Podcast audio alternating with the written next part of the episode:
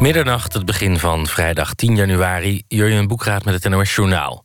De extra beveiligde rechtbanken in Amsterdam-Osdorp en op Schiphol... kunnen het werk nauwelijks aan. Dat zegt de Raad voor de Rechtspraak. Deze rechtbanken zitten nu al overvol. Dit jaar komen daar complexe liquidatiezaken bij... en ook begint in maart op Schiphol het proces over het neerhalen van MH17. De Raad pleit daarom bij minister Dekker voor meer zittingscapaciteit. De Canadese premier Trudeau zegt dat er bewijs is dat het Oekraïense toestel dat gisteren in Iran neerstortte is neergeschoten met een afweerraket. Hij heeft dat van verschillende bronnen en hij zegt dat het mogelijk per ongeluk is gebeurd. De New York Times heeft een video in handen waarop de inslag lijkt te zien. De beelden zijn gisternacht gemaakt vlak bij de luchthaven van Teheran. Eerder vandaag werd al bekend dat Amerikaanse bronnen denken dat de raketafweerinstallatie in Teheran werd geactiveerd na de Iraanse aanval op luchtmachtbasis in Irak. Het Iraanse hoofd van de burgerluchtvaart spreekt de berichten tegen. Rijkswaterstaat heeft het schip opgespoord dat begin december een lang oliespoor achterliet op de IJssel. De schipper is verhoord en heeft bekend. Een visser ontdekte het oliespoor op de rivier tussen Deventer en Zutphen. Uit onderzoek van Rijkswaterstaat bleek dat het ging om olie uit de machinekamer van een schip. Door het nemen van monsters bij verschillende schepen vond Rijkswaterstaat een match. Het Openbaar Ministerie bekijkt nog of het de schipper gaat vervolgen. Festivals in Noord-Brabant gaan bezoekers die in tenten roken voortaan harder aanpakken. Na een waarschuwing kunnen ze van het festival worden gestuurd. Het is verboden om te roken in de horeca... en daar vallen festivaltenten waar alcohol wordt geschonken ook onder. Toch gebeurt het op grote schaal. Festivalorganisatoren krijgen hiervoor flinke boetes... en ze zeggen dat de kosten niet meer te behappen zijn. Het weer, ook vannacht regen en een minimumtemperatuur van een graad of 7. Morgen eerst bewolkt en nat, smiddags droog en af en toe zon. Het wordt ongeveer 8 graden. Dit was het NOS Journaal. NPO Radio 1. VPRO. Nooit meer slapen.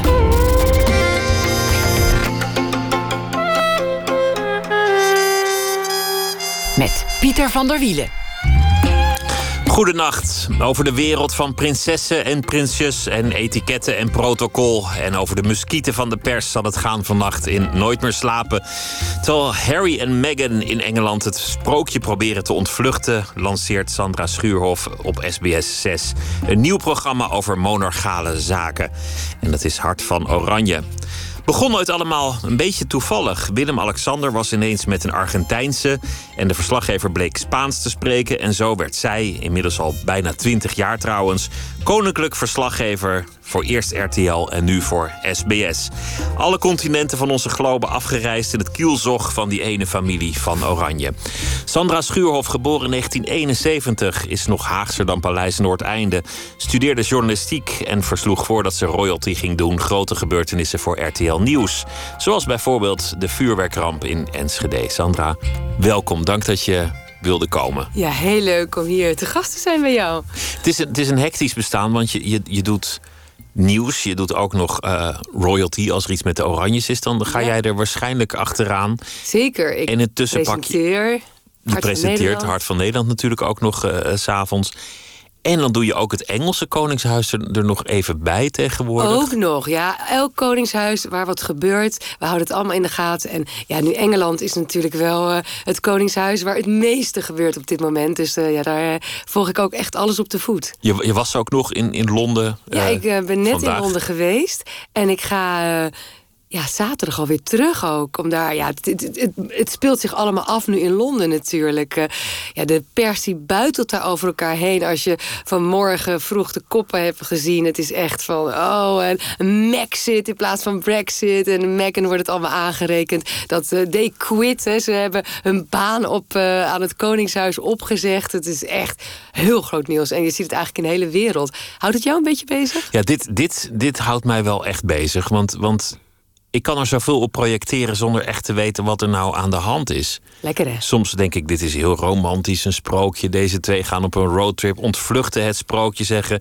Weet je, douw dat koningshuis maar waar de zon niet schijnt... en ik ga mijn eigen leven leiden. Maar het is ook een beetje een familietragedie. Dat vind ik er dan weer een minder kantje aan. Want ze hebben niet overlegd met de koningin. Ja, ze hebben niet overlegd, hè, naar verluid. En uh, natuurlijk wist de koninklijke familie, wist de koningin Elizabeth en uh, prins Charles zijn vader en William, dat ze een andere rol voor zichzelf wilden binnen het koningshuis. Maar dit zo rigoureus, om dat gisteravond zo op Instagram te knallen, dat heeft ja, vriend en vijand verrast. En dus ook het uh, koningshuis. En ja, dat vind ik wel een hele rigoureuze beslissing ook om dat te doen. Er is al zoveel gebeurd in die familie. En ja, meestal hou je toch je vuile was een beetje binnen. Hè?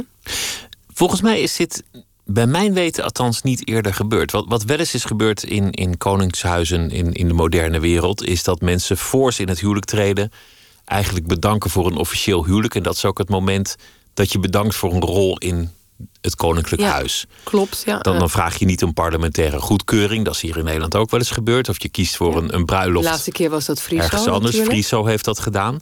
Zij kiezen voor een groot, bombastisch publiek huwelijk. Waarmee je eigenlijk zegt: wij accepteren deze rol. Ja.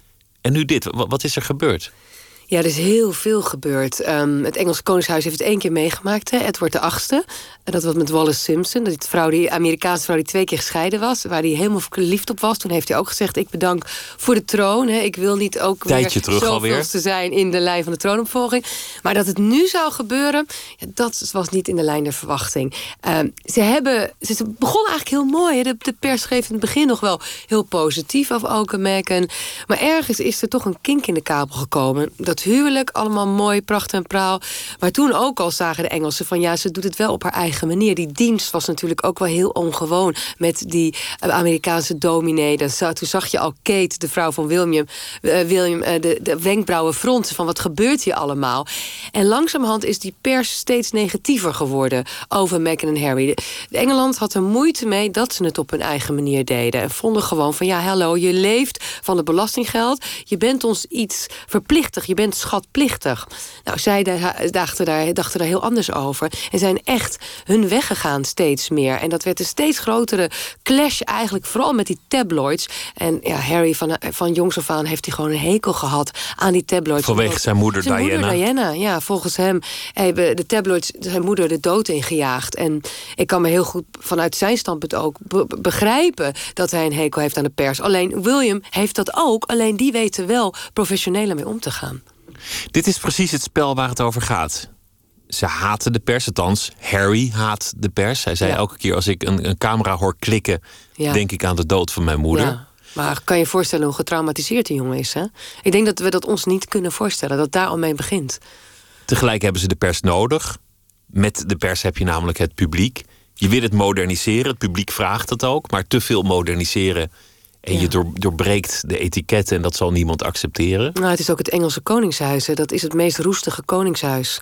En dat, dat maakt het ook anders. Kijk hoe Willem-Alexander Maxima hier het koningshuis hebben gemoderniseerd. Dat is ongelooflijk. Dat deed Beatrix eigenlijk al na Juliana. Maar daar hebben zij nog wel twintig scheppen bovenop gedaan. Het is nu eigenlijk een soort topbedrijf. Hè, en een groot bedrijf waarvan uh, Willem-Alexander de CEO is. En daarmee breng je het wel de nieuwe eeuw binnen. Daarmee heb je wel, heeft hij er wel voor gezorgd dat het koningshuis nog toekomst heeft. En ja, in Engeland zie je dat toch veel minder gebeuren. Natuurlijk, ze zitten op Instagram, op social media. Ze proberen wat moderner te zijn.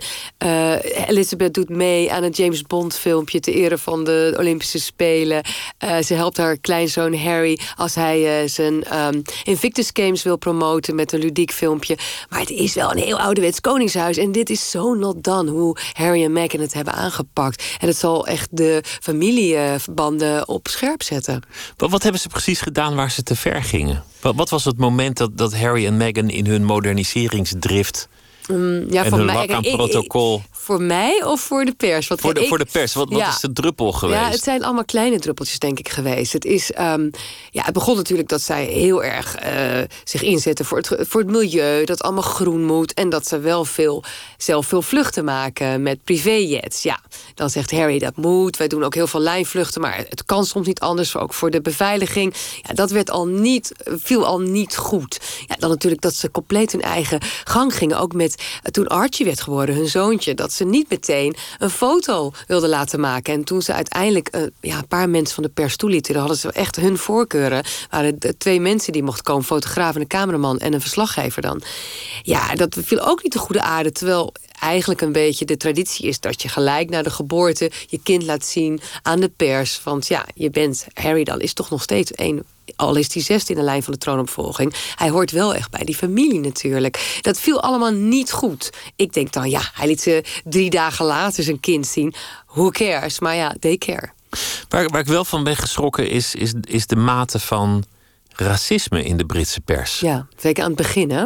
Meg Meghan eh, kreeg een aantal opmerkingen naar haar hoofd. racistisch. De vergelijking met een aap. Nou, dan, dan hoef je niet te zoeken of, of, eh, of woorden nader te lezen. Dit is Daar gewoon 1.0 racisme. En dat, dat was maar een zeer beperkt deel. Dat hè? Zo... We moeten wel bij zeggen dat is een zeer beperkt deel van de pers. Het is niet het gros, dat is niet de, de, algehele teneur. Maar dat toch... is niet de algehele teneur. En daar hebben ook heel veel kranten ook wel heel erg afstand van genomen. En um, ja, maar toen was wel de toon gezet. En, en, en Harry, ik moet je voorstellen, je bent eindelijk is echt verliefd. Dit is de vrouw waar je mee wilt trouwen. En dan heb je dat verleden met je moeder. En dan wordt jouw nieuwe, je verloofde, wordt zo aangepakt. Ja, dat is, dat is natuurlijk verschrikkelijk. Dat heeft, dan heb je al een hekel aan de pers. Ja, dat, dat komt dan ook bijna niet meer goed. Het dreigt nu wel een aflevering te worden van, van hoe heet dat leuke programma? The ik Crown. ik vertrek. Ja, de, de, Crown, maar ook... Wat denk je voor de Crown? Die scenario schrijvers, man, die zitten natuurlijk met... met... seizoen, wat is het, zeven, komt, uh, kan al geschreven nou, worden. ik denk het wel, ja. Maar ik, ik wilde zeggen, ik vertrek. Ja. We, we, gaan emigreren, we gaan het allemaal zelf doen. We beginnen een. Uh, ja, ze gaan naar Canada, hè? Om daar de helft van het jaar ongeveer. Ja, ze zeggen Noord-Amerika, maar dat kan natuurlijk niet anders dan Canada zijn. Daar zijn ze ook net wekenlang geweest uh, tijdens de zesweekse pauze om na te denken wat ze gingen doen. En daar is natuurlijk voor hen heel rustig.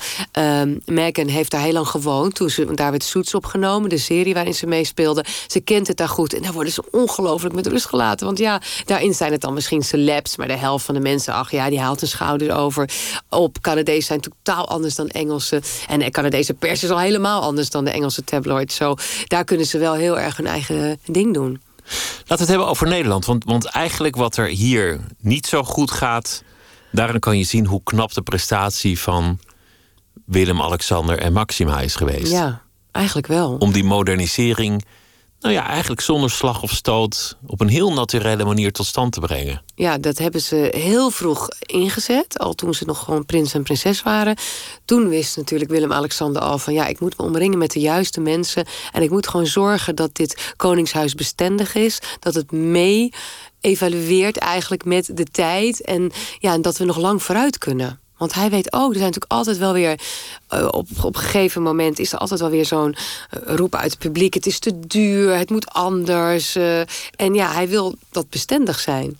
En dat is hem toch wel gelukt. Hè? Je ziet nu toch wel hoe populair ze zijn. Hoe populair Amalia nu al is. Ze is pas 16. Dus ze doen iets heel erg goed. Je kunt hij, is, hij is heel los, ook al is hij gebonden aan protocol. Ook al kan hij zich nergens over uitspreken. Ze geven ook niet veel om protocol. Hè? Nee. Maar je ziet, hem, je ziet hem toch vaak het publiek inlopen, iemand een handje geven, een grapje maken. Selfie maken. Selfies maken, ook al houdt hij er niet van. Nee, maar hij doet het wel, want hij weet dat de mensen het leuk vinden. En dat zal uren op hem staan te wachten. Dus ja, dat zijn wel allemaal dingen. Maar ook vooral van binnenuit, hè, die monarchie, is er heel veel veranderd. Ze hebben gewoon gezorgd dat ze toen ze nog prins en prinses waren... dat ze echt hun tentakels in de hele maatschappij kregen. Dat ze heel vaak mensen uitnodigden op het paleis... vanuit allerlei beroepsgroepen, vanuit de wetenschappen. Dat ze thema's hadden, themaavondjes, de diners nog op te horsten. En dan ja, bijvoorbeeld over de arbeidsmarkt, de veranderde arbeidsmarkt... over emancipatie, over emigratie. En daar allemaal mensen vanuit ja, in hun leeftijd bij zochten. Met wie zij dus ook verder zouden opgroeien eigenlijk. En met wie ze later ook dus ja, contact konden zoeken. Om zich goed te laten informeren. Ze hebben allemaal mensen aangenomen, persoonlijke adviseurs. Die ook echt een voelspriet hebben in de samenleving. Wat speelt er? Waarop moeten we anticiperen? Dat hebben ze ongelooflijk slim gedaan. Je noemt uh, Willem-Alexander een CEO van een bedrijf. Ja. En dat bedrijf dat is het Koninklijk Huis. Ja, het, het paleis is, is gewoon. Het Koninklijk Huis waar ruim 300 mensen werken. Het is natuurlijk ook een bedrijf wat gerund moet worden. En dat doet hij niet alleen, maar hij staat uiteindelijk wel aan het hoofd. Hoe begon het voor jou? Want, want, want jij sprak Spaans. Ja. En, to, en toen moest er ineens iemand naar Argentinië, want er zou iets zijn met een mogelijke nieuwe prinses. Want Willem-Alexander was verliefd. Was verliefd. En we zagen natuurlijk dat dat heel serieus was. Hè? Dat ze ook al helemaal goed viel binnen de familie. En er was gewoon een verloving op handen. Dat, was, dat hoorden we al uh, fluisteren. Toen ben ik met Erik Mouta, die is nu correspondent in, uh, in New York ben ik toen naar Argentinië gestuurd om eens te kijken... ja, wat is dat nou voor meisje? Uh, waar komt ze vandaan? Waar woont ze? Wie zijn haar vrienden? Waar is ze opgegroeid? Maar ook vooral, wie is nou toch die vader? Wat was nou zijn rol in het Fidela-regime? Nou, op het moment dat wij in Argentinië zaten... toen uh, ja, toen werd bekendgemaakt dat ze gingen verloven. En konden wij meteen al die verhalen hier op uh, RTL Nieuws brengen. Maar ook um, vertellen natuurlijk hoe het nieuws daar werd opgepakt van de verloving. Dus uh, dat was een goede set toen. Maar dat, is, dat lijkt me een ingewikkelde opdracht. Je komt aan in, in Argentinië. Ik weet niet hoe goed je Argentinië kende. Of je, of nou, je daar connecties nee. had. We hadden dan, natuurlijk wat, uh, wat, wat afspraken inmiddels met producers al daar. En dan ben je op zoek naar een, een verhaal dat potentieel gevaarlijk is. Want die vader en, en zijn rol tijdens het Fidela-regime. Ja. En hoe, hoe ga je dan te werk? Was, was daar al een soort bescherming? Was er al iets aan de hand van, van mensen die niet wilden praten of mensen die instructies nee, hadden? Nee, mensen wilden heel graag praten. Ja, dat viel me op. Uh, het was niet heel moeilijk om sprekers uh, te krijgen. En um, je had natuurlijk de dwaze moeders, hè, die uh, Plazo de Majo, die daar rondliepen om te, ja, elke, elke week weer aandacht te vragen voor het feit dat er nog zoveel mensen nooit teruggekomen uit de tijd van Fidela zijn. Die zijn verdwenen, desaparecidos. En daar vroegen ze aandacht voor. Maar ook natuurlijk dat er mensen terecht moesten worden gesteld. Nou was het zo dat die vader niet op die lijstjes voorkwam. Uh, op het moment dat het... Uh, we zijn natuurlijk gaan zoeken op die lijsten van de dwaze moeders. Maar toen was hij eigenlijk, uh, Jorge nog niet bekend bij hen. Later is hij wel op die lijstjes verschenen. Maar dat had meer met de actualiteit te maken in Nederland. Dat hij belangrijk was dat geworden belangrijk via was. zijn dochter. Maar we hebben, we hebben met vrienden gesproken toen ook van van het hun vader. We hebben met zoveel mensen gesproken. En natuurlijk, ik denk niet dat het Koningshuis, het Koningshuis daar op dat moment uh, blij mee was. Maar ja, toen hebben ze natuurlijk heel veel damage control gedaan. Wat uiteindelijk resulteerde, resulteerde in het feit dat de ouders van Maxima niet op het huwelijk aanwezig mochten zijn. Wat, wat pijnlijk was, vermoed ik. Maar tegelijk was dat ook het natuurlijk heel goed opgelost. Ja. Want het ging om de vader, het ging niet om de dochter. Je kunt Maxima niet verwijten niet wat, wat, wat haar vader heeft gedaan. Nee. Je, je, wil alleen voorkomen dat de vader in een soort glansrol hier wordt ontvangen. Ja, en de vader en dat, was. Dat is elegant opgelost. Dat hebben ze heel goed gedaan. Hè? Dat is natuurlijk onder, uh, onder Wim Kok gebeurd. Dat is heel slim opge, opgelost. En um, ja, dat, dat is een, een offer geweest wat ze hebben moeten brengen. Vooral natuurlijk Maxima. Maar ze wisten ook dat het offer gebracht moest worden. Wil je dit houdbaar houden? Hoe is dat als je nu koninklijk verslaggever bent? Stel, stel ze gaan op staatsbezoek ergens naartoe. Ga jij altijd mee? Is dat, is dat bijna vanzelfsprekend? Mm, nou, we kijken natuurlijk wel per keer of het interessant is. En niet alle staatsbezoeken zijn even interessant. Maar in principe ga ik altijd mee. Um, en hoeveel, hoeveel mensen gaan er dan nog meer mee? Hoe van, groot van is de pers? Ja, hoe groot is die zwerm die achter ze ja, aanvliegt? groot. Het hangt ook vanaf dus inderdaad welk staatsbezoek het is. Bijvoorbeeld naar Ierland vorig jaar was een redelijk kleine club. Ik denk, nou ja, dan moet je nog denken aan 20 man, 25 man. Maar naar India was het ook wel echt weer een grote club hoor. Dan zit je toch wel tegen de 30, 40 man aan. En altijd dezelfde? Ja, het zijn bijna altijd dezelfde, ja. Dus bijna ja. een soort, een soort ja. familie? Het is ja, ja, het zijn natuurlijk uh, concurrenten. Ook, ook concurrenten, maar inmiddels ken je elkaar allemaal zo goed. En je helpt elkaar natuurlijk daar op locatie. Want de ene keer is jouw microfoon stuk. En de andere keer is een statief van de concurrent stuk. Dus je helpt elkaar eigenlijk. Uh, gaat het heel vriendelijk aan toe. Mag ik even van jouw oplader? Heb jij nog een batterij? Ja, dat soort dingen. Zo gaat het. Ja, je, je reist met elkaar mee. Hè. Je bent natuurlijk gewoon dag en nacht ben je als het ware samen in de meest bijzondere omstandigheden. Uh, ja, je slaapt weinig, je gaat ervoor. En ja, ik vind wel dat, dat het wel een leuke club is ook. Ja. En hoe zit dan die koninklijke familie, die club aan de andere kant? Want dat is zal een, even groot circus zijn. Ja. Die staan dan elke keer tegenover de meereizende zwerm. Ja, dat is zo, ja. Groeten jullie elkaar dan ook als jullie eventjes in de stad een koffietje gaan halen? Of, of de, de, de lakeien en, en de pers? Of hoe ja, werkt dat? je kent natuurlijk een hele gevolg. En dan sta je ook gewoon gezellig mee te praten gedurende die, ja, die week vaak. De laatste keer was oktober in India. Ja, dat zijn natuurlijk hele intensieve staatsbezoeken... waarin je echt het hele land doorkruist. En dan ben je, ja, je staat gewoon gezellig te praten met uh, ja, hun, uh, hun persoonlijke adviseurs... met uh, adjudant, met, ja, met iedereen.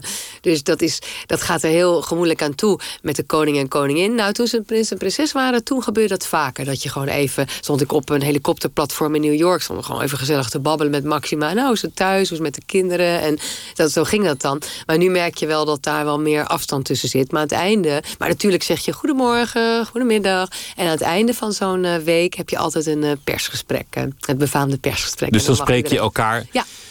Dit is een situatie waarin je heel makkelijk afspraken kunt maken. Als je die lakeien spreekt en die medewerkers en je ziet ze eh, op, op vier continenten per jaar op verschillende gelegenheden. Dan, dan, wil je elkaar toch een beetje. Gevolg, maar wel de adjudanten bijvoorbeeld. En natuurlijk, ja. Uh, dan wil je het wel vriendelijk houden, denk ik. Ja, je wil het wel vriendelijk houden, ja. Want je moet het toch met elkaar doen. Ja. ja hoe doe je dat? Hoe, hoe hou je dat beleefd? Want, want je wilt tegelijk ook je, je eigen verhaal maken. Ja, kijk, als er echt iets aan de hand is en het is nieuwswaardig, dan kies je natuurlijk altijd daarvoor. En dan maakt het je op dat moment niet zoveel uit wat zij daarvan vinden.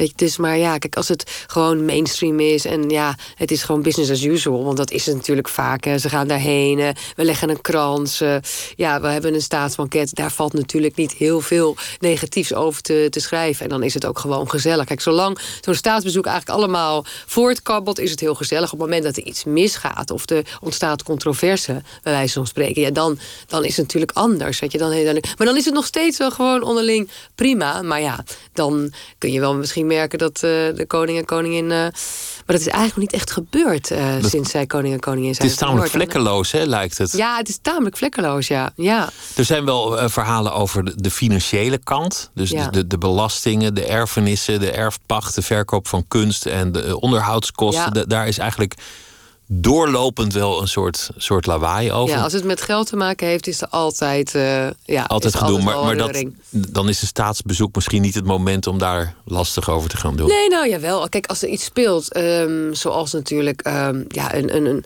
een, verkoop van een heel duur schilderij, uh, wat niet aangeboden eerst is aan uh, de musea. Die Rubens was dat? Ja, van Christina en die Rubens, die ruim 7 miljoen dollar heeft opgebracht. Dan zou dat een prima vraag zijn om ook als dat moment daar ineens daarna een gelegenheid is om hen aan te spreken erop. Om dat te vragen, wat zij daarvan vinden. Ja. En dan, zou, en dan, zullen zij waarschijnlijk zeggen dat is een persoonlijke keuze van Christina geweest. En, uh, Daar geef ik liever geen commentaar op. Of, ja, of je moet het die, dat, zal die dan, dat zal die dan inderdaad op een hele chique manier verwoorden. Want daar zijn ze ook heel behendig in geworden. Ja. Weet je wel eens iets dat je niet meldt? Dat je denkt, nou ja. Zeker. Wat, ja. Wat, ja, oh ja, dan kan ik vragen wat voor dingen zijn dat, maar dan zeg je ja, ja, dat ga ik dus niet ja, vertellen. Ja, ja, ik woon in Den Haag. Uh, ja? Dat doen zij ook. En uh, het zijn natuurlijk leeftijdsgenoten. Dus je kent nog wel uh, ja, best wel veel dezelfde mensen ook. En dus je hoort wel dingen, maar ja, weet je, ik, ik vergeet die. Als, als het heel privé is, wil ik het ook allemaal helemaal niet weten. Weet je. Maar, maar dat, dat maakt uit. Dus, dus ondanks dat het zo'n geoliede machine is, is het feit dat je in Den Haag woont en ja, natuurlijk. En daar gewoon uitgaat is nog mensen. steeds... Ja, ze hebben natuurlijk ook vrienden. En hun kinderen sporten, gaan naar school. En ja, dat, er zit natuurlijk wel een soort... Uh, ja, er zit natuurlijk wel een overlap in van, van dezelfde mensen die je kent. Dus, en dan hoor je wel eens dingen.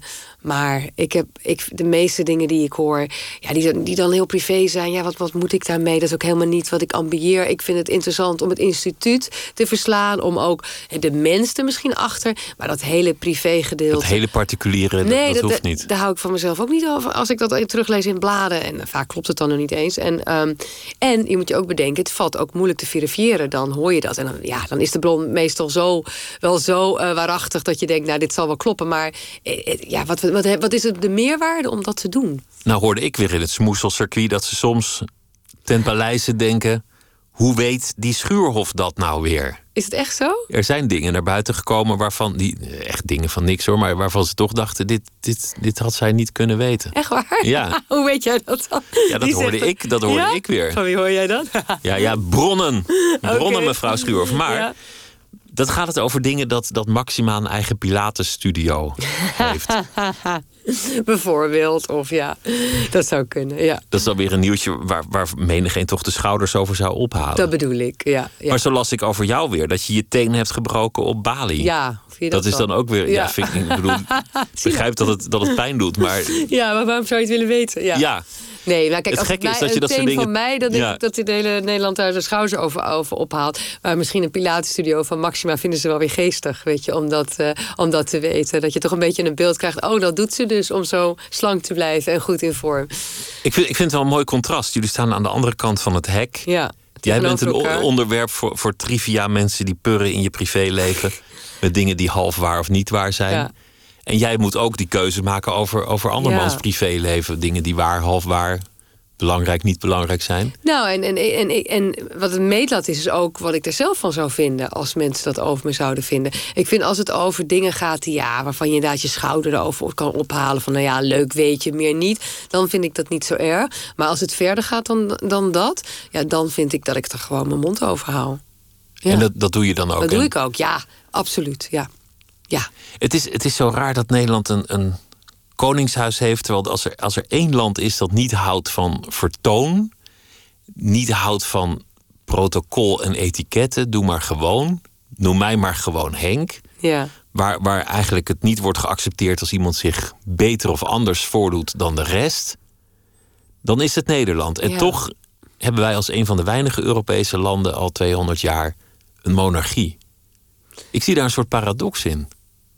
Ja, ja, vergeet België natuurlijk niet, Spanje niet. Uh, maar goed, Spanjaarden, dat zijn katholieken die, die houden van vertoon en optochten. Ja, maar kijk, je zegt het al, we houden niet van opsmuk, niet van vertoon.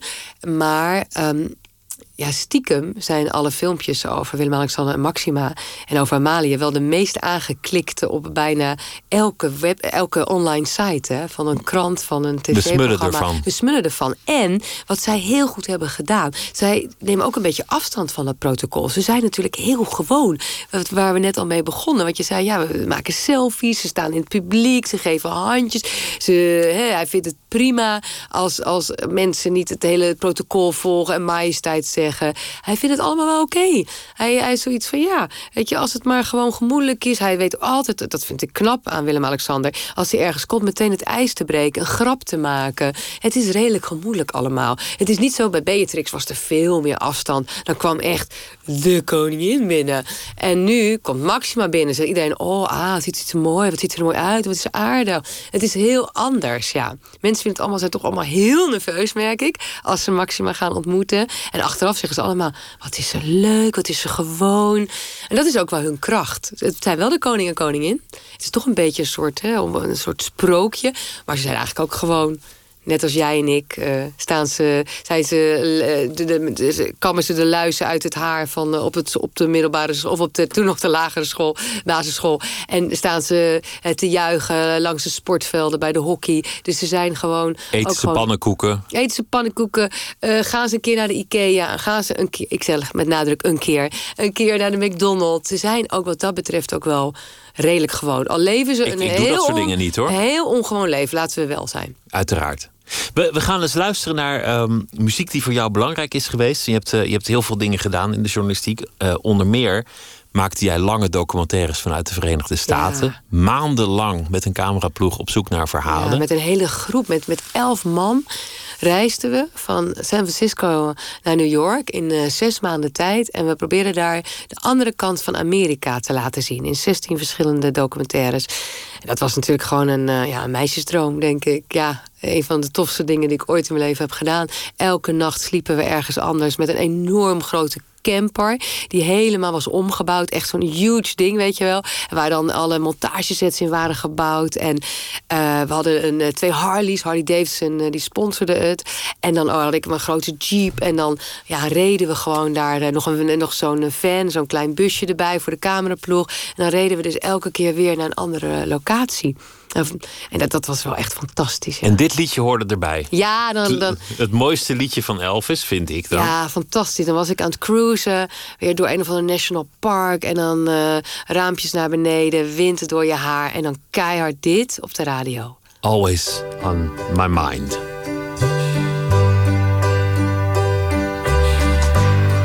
Maybe I didn't treat you quite as good as I should have. Maybe I didn't love you quite as often as I could have. Little things I should have said and done. I just never took the time.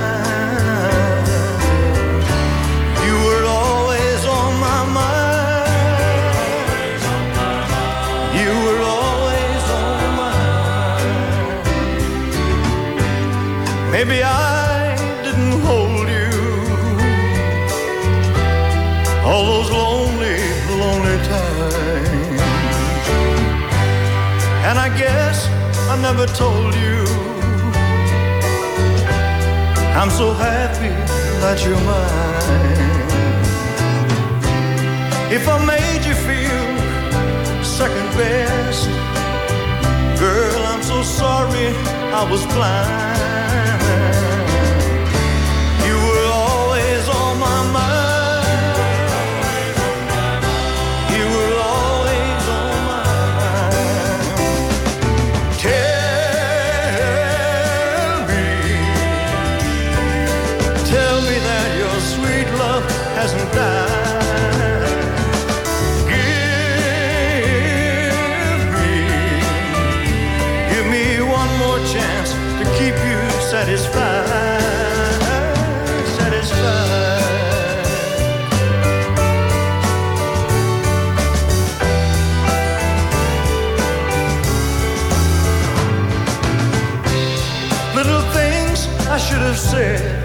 Done.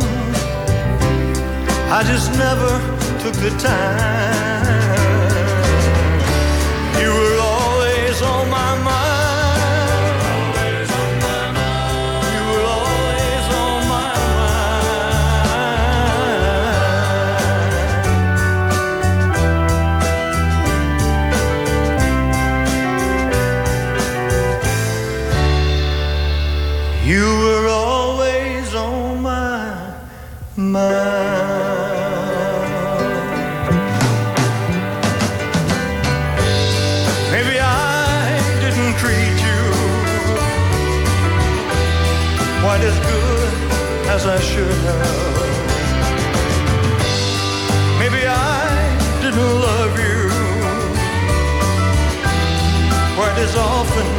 As I could have. Maybe I didn't hold you all those lonely, lonely times. And I guess I never told you I'm so happy that you're mine.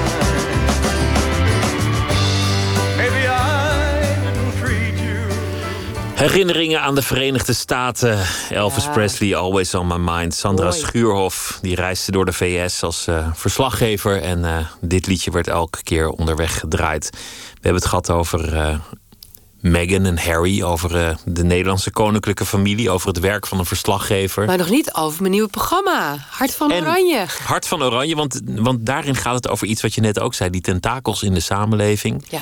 Je hebt onder meer gesproken met heel veel mensen die iets te maken hebben of een soort ontmoeting hebben met de Oranjes, een band hebben. En jij vraagt via die anderen: ja, om een beetje... hoe gaat dat dan? Wat voor mensen zijn dat dan? Dat het, soort dingen. Het is heel divers en we zijn natuurlijk nog volop bezig. Eh, de komende dinsdag om half tien eh, is de eerste uitzending. maar je hebt Armin van En Buren Armin gesproken. van Buren bijvoorbeeld, hè, die is, nou, die is bijna zelf royalty. Die, eh, die kent hen inmiddels eh, behoorlijk. Ze zijn ook fan van hem. De broers van Maxima zijn fan van hem.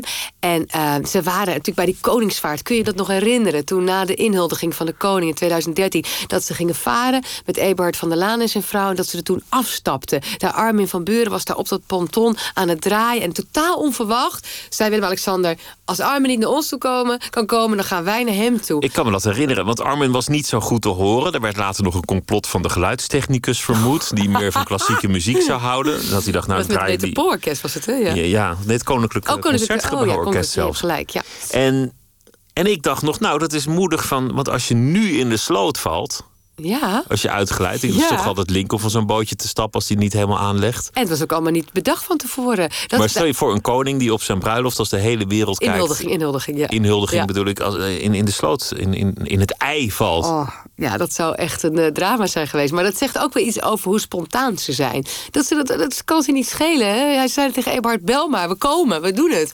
En dat vind ik ook wel weer zo leuk aan hem. Maximaal op die enorme hakken natuurlijk. Eh, het was best wel koud. De prinsesjes eh, hadden behoorlijk koud, maar ze deden het gewoon. En dat leefde natuurlijk meteen. Het was het beeld van die avond. Dat je zag dat, die- dat je echt al die mensen zag. Die, die, hoeveel waren het er wel niet? Honderdduizend man. En je zag de koning daar staan eh, bij de DJ-boot. Nou, dat, dat was wel echt zo'n mooi beeld. En dat, Een gouden mediamoment. Als, ja, als ik en het Armin zie, meteen het koningschap. dit Het zo gaan we doen. koningschap, ja. Spontaan, los. toen ik Armin zag in jouw programma, dan, dan zie je dat die, die, die grote beroemde, wereldberoemde Armin Ja. van Buren... Toch, toch een soort glansje op zijn gezicht krijgt... als hij dan mag lunchen bij de koninklijke familie. Ja, en vertel dat hij Maxima heeft gezoend. En dat hij, dat hij Maxima heeft gezoend Op de op de wang. op de wangen. En toen dacht ik, dit is de reden waarom wij nog steeds een koninklijk huis hebben. Omdat Ja. iedereen toch hoopt er ooit te mogen lunchen. Ja, klopt. Ook al kan je rationeel bedenken dat het een raar instituut is... of kan je er tegen zijn om andere redenen... Ja, de hoop dat je er ooit mag lunchen zal winnen. knap hè? Ja. Knap hè? Hoe ze dat doen. Ja, en dat, dat, dat vraag ik mezelf ook af. Hoe kan het nou zo?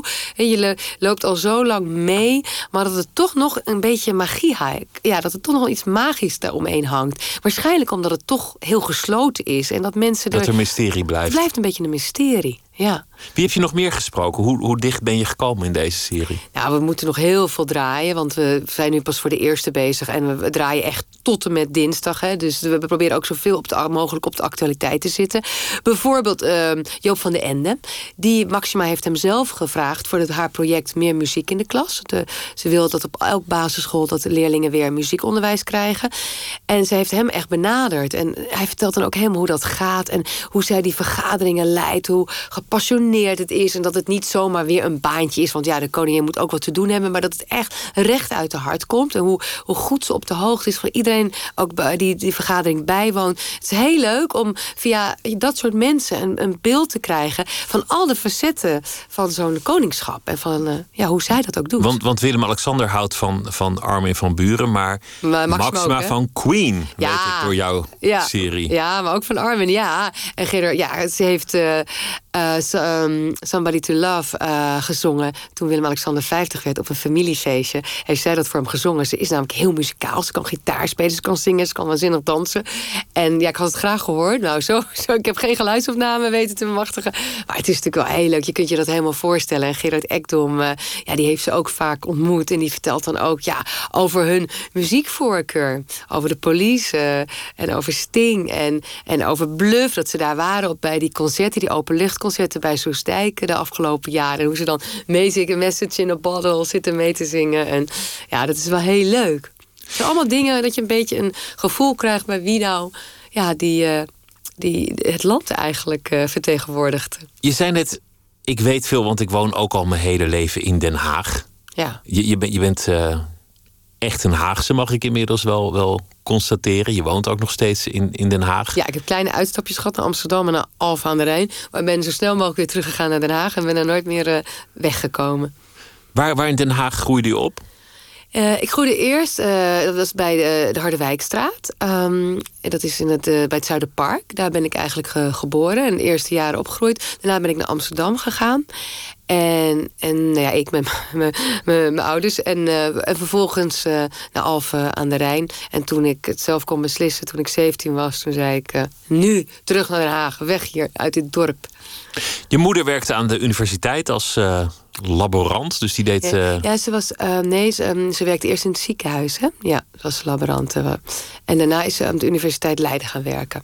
Ja. Dus iemand die... die ja, was röntgenlaborant eerst. Geleerd werk. Ja, eh, en daarna is ze in de universiteitsbibliotheek gaan werken. Ja, Jij groeide op in een gezin, maar, maar zonder jouw biologische vader. klopt. Want, want die heb je eigenlijk in je jeugd nooit, nooit gekend. Nee, die ken ik nu sinds 12,5 jaar.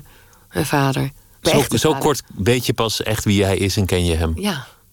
Wie, wie was hij daarvoor in je jeugd? Wat, wat werd er verteld over je vader? Wat wist je over hem?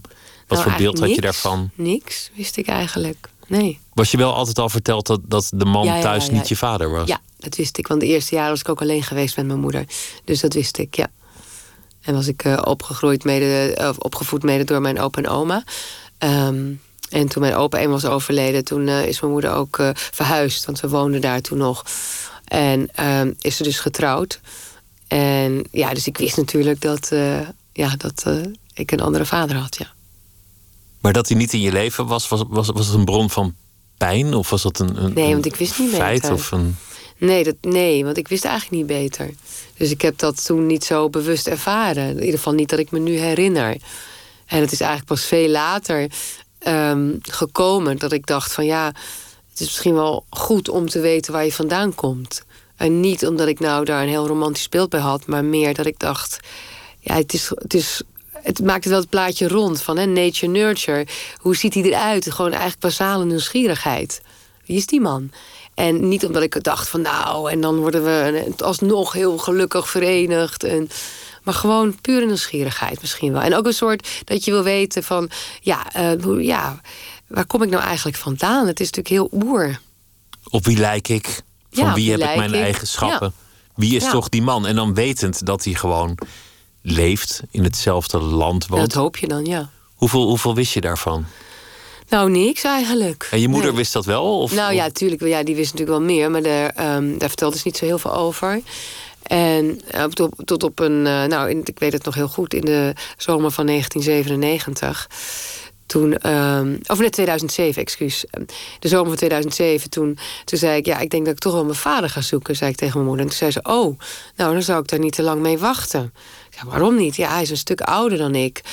Ja, daar schrok ik heel erg van. Dat had ik me nooit ja, dat gerealiseerd of afgevraagd. Ik ging er altijd vanuit, ja, misschien een paar jaar ouder, een paar jonger. Dus toen dacht ik wel van ja, de kans is reëel dat hij misschien niet meer leeft. Dus toen moest je wel, toen had je ineens. Ja, toen had ik wel vaart. enorme stok achter de. Toen dacht ik, ja, dan, dan, dan wordt eigenlijk per maand de kans groter dat hij er niet meer is. Dus als ik het wil doen, dan uh, moet ik het wel nu doen. En toen is het wel in de stroomversnelling gekomen. Spannende onderneming, je ja, vader zoeken. Ja, dat was het wel, ja. Een van de spannendste dingen, denk ik, uh, spannender dan Afghanistan, ja. Terwijl het ook wel heel spannend was, dus, dus dat zegt het wel. Maar, maar hoe, hoe doe je dat? Hoe, hoe ga je dan op zoek naar ja, ik ben gaan zoeken. Ik ben gaan zoeken um, uiteindelijk op, uh, op de naam. En um, ja, uh, gaan, gaan, ja, en uiteindelijk gewoon op goed geluk naar een, een adres gereden. Ja. Bij wijze van spreken uit het telefoonboek. Ja, serieus. nou, letterlijk uit het telefoonboek, ja. En dan ga je daar naartoe, naar, ja. naar een adres. Ja, in, in Zandvoort was in het, Zandvoort geloof ik. was het, ja. Ja, en, en, toen kwam ik aangereden. De straat in, het was een hele lange straat, vlak uh, bij het strand. Um, en ik zag het nummer. Ik denk, nou, ik rij een mooi stukje door. Dan kan ik even op adem komen, moed verzamelen. Dus ik was een uh, stuk verder gaan staan. En toen kwamen de twee mensen de, de straat uh, ingewandeld. En ik wist meteen, ja, dat is mijn vader. Ik had hem nooit in mijn leven gezien. Maar ik wist meteen, dat is hem. Je herkende iets. Ja. Eigenlijk van jezelf dus, waarschijnlijk. Ja, ik kan dat niet... Ik, mijn hart zat in mijn keel letterlijk te bonzen. En ik wist alleen, ja, dat, dat is hem gewoon. En ik heb natuurlijk in... En hij knikte ook nog vriendelijk uh, naar me in de auto. En hij liep door. En uh, hij dacht natuurlijk wel, wat zit die vrouw in die auto te doen? En hij keek een paar keer nog achterom. En toen zag ik hem inderdaad zo in mijn uh, achteruitkijkspiegeltje... zag ik hem zo, uh, de, het, het huis waarvan ik dacht dat misschien mijn vader zou wonen... zag ik binnengaan. Ja, dat was heel, ja, heel confronterend. Dat was echt van, jeetje, ik wil weg. Het was mijn eerste impuls, wegrijden, wegrijden. Maar toen dacht ik, nee, nee, nee, nee, blijf, blijf, doe het, doe het, ja. En je hebt het gedaan. Dat, dat is een moment waar heel veel van afhangt. Ja. Je, je, kan afgewezen worden. Ja. Je, je kan een enorm brute confrontatie krijgen die eenmalig is. Ja. Of, of iets heel anders. Wat, wat dat had ik er? ingecalculeerd. Wat, wat zei je? je? Je liep naar hem toe of je nee, belde, ik belde aan? aan? En toen deed hij open. En toen, toen zei ik, ja, ik wil je niet laten schrikken... maar ik denk dat ik je dochter ben. Hij schrok. Um, Het is wel lekker met de deur in huis ja, vallen. Maar dat moet je anders zeggen. Ja. ja. Het was een enorme schok en hij begon helemaal te, te stamelen, te stotteren. En toen zei hij, uh, ja, kom binnen, kom binnen, kom binnen.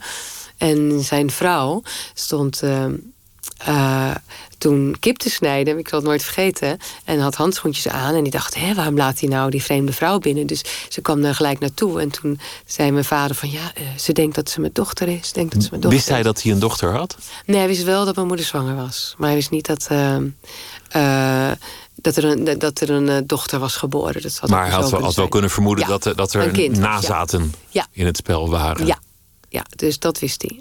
En toen? Nou ja, zij, zij omarmde me meteen. Dus ik had alles verwacht, maar niet dat. En uh, ja, toen zei ze: Ja, ik heb altijd uh, geweten dat, er, dat het dit een keer voor mogelijk dat dit een keer had kun, zou kunnen gebeuren. Misschien was het ook wel een opluchting voor hem. Misschien wel. Misschien was het een soort van, ja, toch leven met een groot geheim binnen de familie. En op dat moment, maar dat zei zij, dat vond ik het knappe. Dat zei dus uh, mijn stiefmoeder, die helaas nu is overleden. Maar zij zei, ja, kind, kom hier. Ik heb altijd geweten dat je een keer uh, op de stoep zou kunnen staan. Ja, dat is natuurlijk uh, bizar. Dat, je verwacht alles, maar niet dat. Maar ze stond al kip te snijden, dus werd Ja. je ook meteen aan, aan- Nou, uitgenodigd ze, ze om aan te waren, schrijven? nou ja, ze- de kip is, eh, is nooit verder bereid. Ze is, we zijn gaan zitten en gaan praten. En ze was zo nerveus. Ze kon gewoon letterlijk niet meer iets bereiden. Toen zei ze van, zullen we uit eten gaan? Want ik moet wel wat eten. Want ik heb suiker. En ik zei, eh, eh, oké. En dus een paar uur later zaten we bij de Italiaan in Zandvoort. Ja, dat was natuurlijk een verloop van de avond... dat ik nooit had kunnen bedenken. Dat is eigenlijk heel goed afgelopen. Ja, dat is heel dat, goed is, dat is echt afgelopen. een, een, een mooi moment geworden. boekje, ja, dat is een heel mooi moment geworden. En, en toen bleek dat ik ook twee halfbroers en een halfzus eh, heb. En ja, die hebben natuurlijk ja, eh, wel heel even aan het idee moeten wennen. Maar eigenlijk ook maar heel kort. Het was eigenlijk, mijn broers waren meteen eh, ja, super enthousiast. Mijn zus heeft er wel iets langer even aan moeten wennen. Maar als het eigenlijk ook, en dat had niks met mij te maken, maar gewoon met haar vader. Dat ze het heel moeilijk vond dat haar vader zo lang zo geheim geborgen heeft gehouden. En nooit. eh, Dat kan ik me ook wel voorstellen. ja. Ja, en nooit eh, voor me gezorgd had, zeg maar. Dat vond zij heel moeilijk, ja. Heb je nu een goede band met hem? Ja, ja hij is nu ouder aan het worden. En, ehm, dus dat is wel, wel lastig. Omdat hij, ehm, ja, weet je, ik heb hem maar heel kort ehm, eigenlijk meegemaakt dat hij nog, eh, Nog fit was? nog heel fit was. En ehm, hij wordt nu vergeetachtiger. En eh, ja, dat is natuurlijk wel lastig. Hè? De, de rollen draaien zich al een klein beetje om. Je moet al gaan zorgen voor. Dus, ehm, maar nee, niet dat ik dat, dat doe met liefde, hè, maar ik had wel graag langer, want het is een hele leuke, slimme, erudite man. En ik had heel graag langer daar ook van genoten. Al heeft hij dat natuurlijk nu nog steeds, maar ja, je begrijpt wat ik bedoel. hè. Het is, Die eh, tijd haal je nooit meer in. die tijd haal je nooit meer in, nee. Je, je zei, ik wilde eigenlijk ook wel weten waar ik vandaan kwam. Wa- Wat ben je van jezelf gaan begrijpen door je vader te kennen? Ja, heel veel. Ik denk dat ik best op hem lijk. Ja. Waarin? Ik lijk, nou, ik lijk qua uiterlijk alle, het meest van alle kinderen op mijn vader. Wat natuurlijk ook wel ja, heel, eh, heel apart is. Eh, en ook hij is, ehm, ja, ik, dat, dat is het journalistieke. Wel heel jong wist ik dat ik journalisti- eh, journalist, eh, nou, de journalistiek in wilde. Dat ik dat ambieerde. En mijn moeder had echt zoiets van, ja, hoe komt dat nou vandaan? Ik zat als klein meisje, zat ik al naar Heren Nu te kijken. Achter het nieuws, Pauw Witteman was, echt een, was ik groot fan van. En mijn moeder kon het niet plaatsen. Maar mijn vader is ook echt een nieuwsjunk. Die kijkt alles, leest alles. Mijn ene broer is ook journalist. En, dus het viel wel een beetje op zijn plek. Dat het zo apart is. Weet je? Hij is ook helemaal tennis eh, vandaan, mijn vader. Ik hou heel erg van tennis. Het is heel gek natuurlijk. Ik vind het altijd interessant, die, die nature-nurture Ja. discussie van zijn het nou de genen of de opvoeding? Heel veel is toch degene, want het is dat niet in mijn opvoeding, die dingen. Dus, en, en, en iedereen vroeg zich altijd af, waar komt dat bij haar vandaan? Ja, Maar- dat weet jij, ik nu. jij wist als kind eigenlijk al iets als verslaggever, iets als journalist, dat, dat zal mij liggen. Ja, ik, ik, ik, ik zei op mijn tiende jaar al bij de schooldokter, ik wil journalist worden. Ik wist het zeker, ja. Een hele rechte lijn, want zo is het ja, ook, zo is ook ook gewoon gegaan. gegaan. Ja, ik wilde ook alleen maar naar de school van journalistiek. Het was voor mij, en ik wilde ook echt televisie maken. ehm, dus het was altijd wel, eh, ja, het was heel duidelijk. En ik kan je niet uitleggen waar het vandaan komt. Nee. Je, je bent uiteindelijk zelf ook eh, alleenstaande moeder geworden, of in ieder geval niet meer samen met Nee. de, de vader van het kind. Nee, maar En- die, eh, die ziet hem natuurlijk nog wel, ja. Maar die is wel in het leven, dus dat is in die zin niet een vergelijkbare Nee. situatie. Nee, vanaf zijn geboorte was hij daar. Wa- Was dat een vrees eh, toen, toen je zwanger werd? Van goh, zal de geschiedenis zich herhalen? Nee, want dat is, dat, kijk, dat- daar, zo kijken andere mensen er tegenaan. Maar zo, toen, toen ik dat voor het eerst hoorde, van, ik dacht oh ja, maar zo heb ik het eigenlijk helemaal nooit geleerd. Nooit op die manier over nagedacht Nee. of, of dat verband gezien daarin? nee. En het is natuurlijk ook niet een bewuste keuze.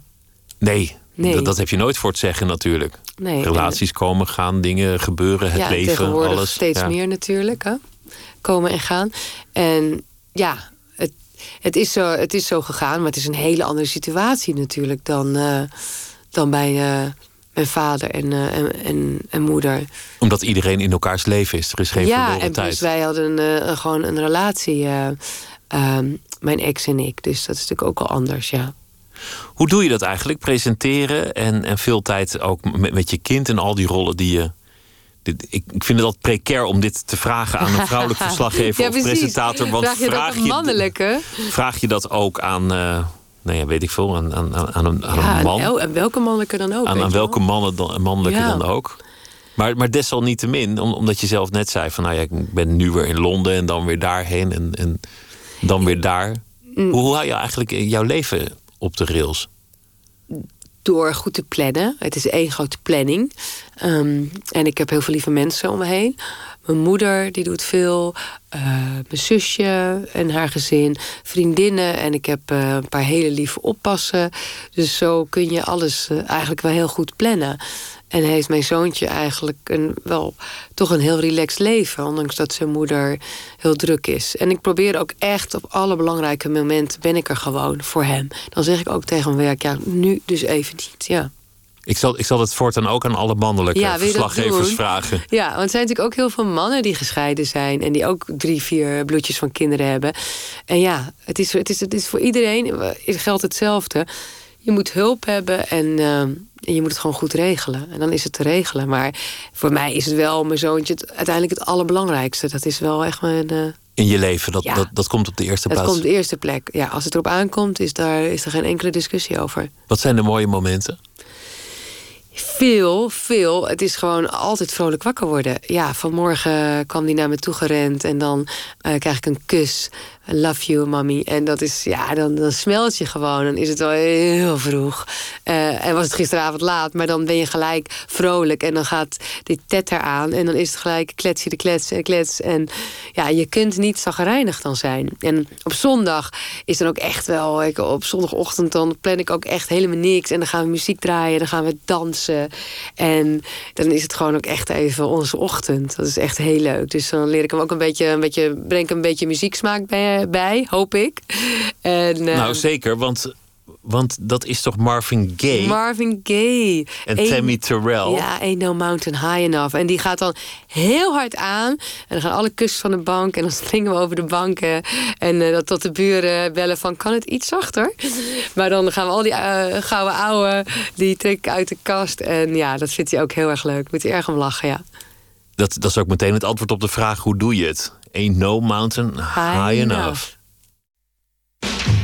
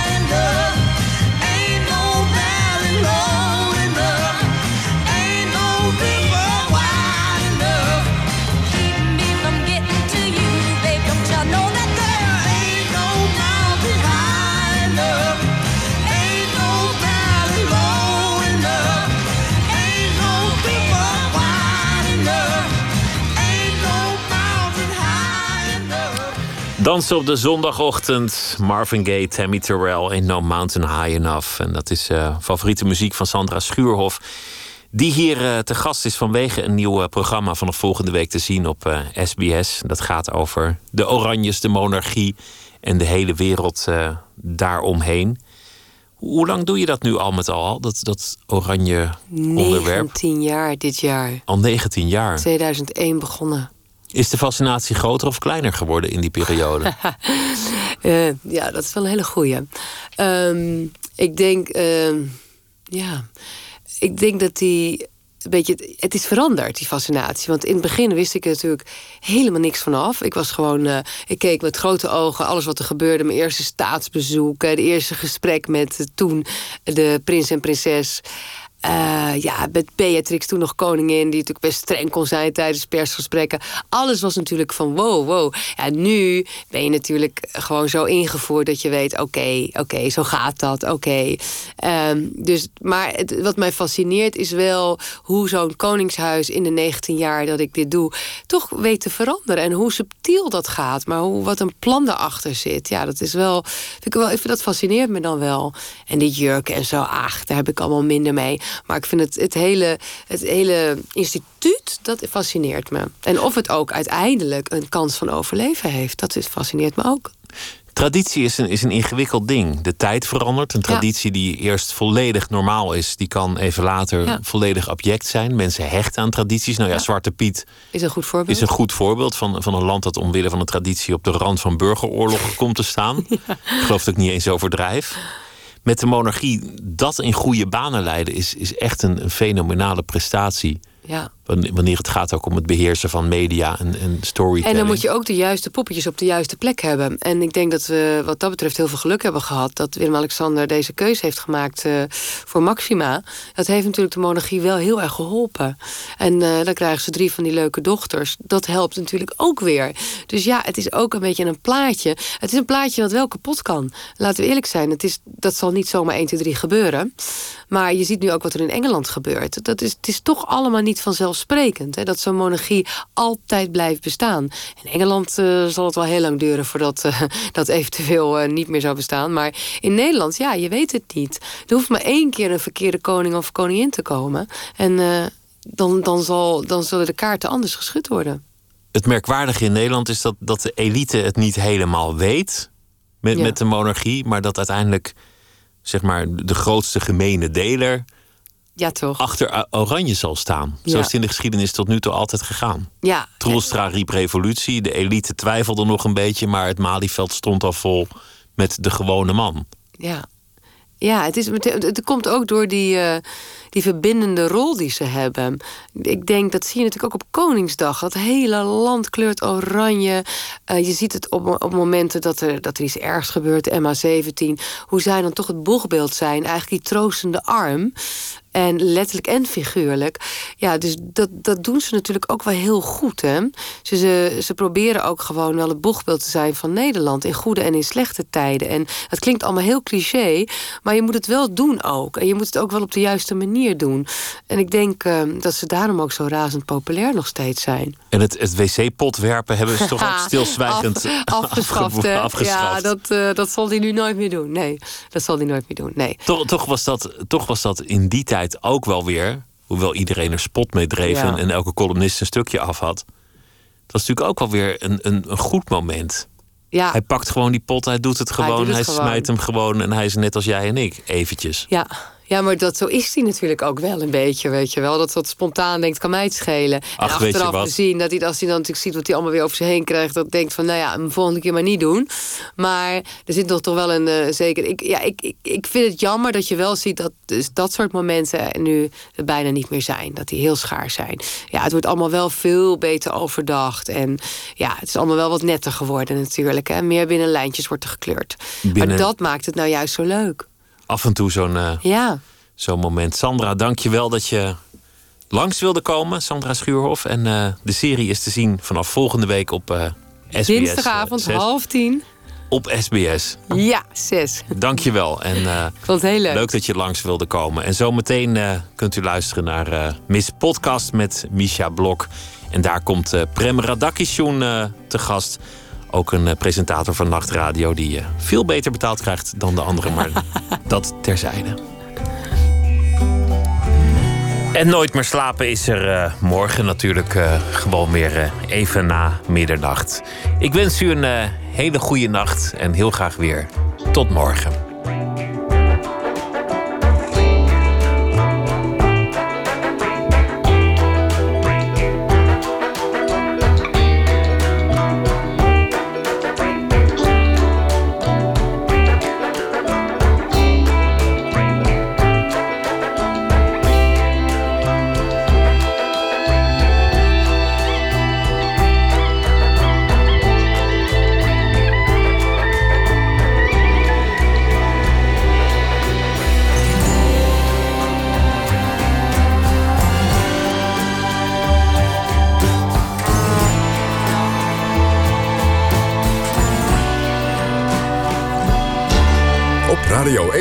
Het nieuws van alle kanten.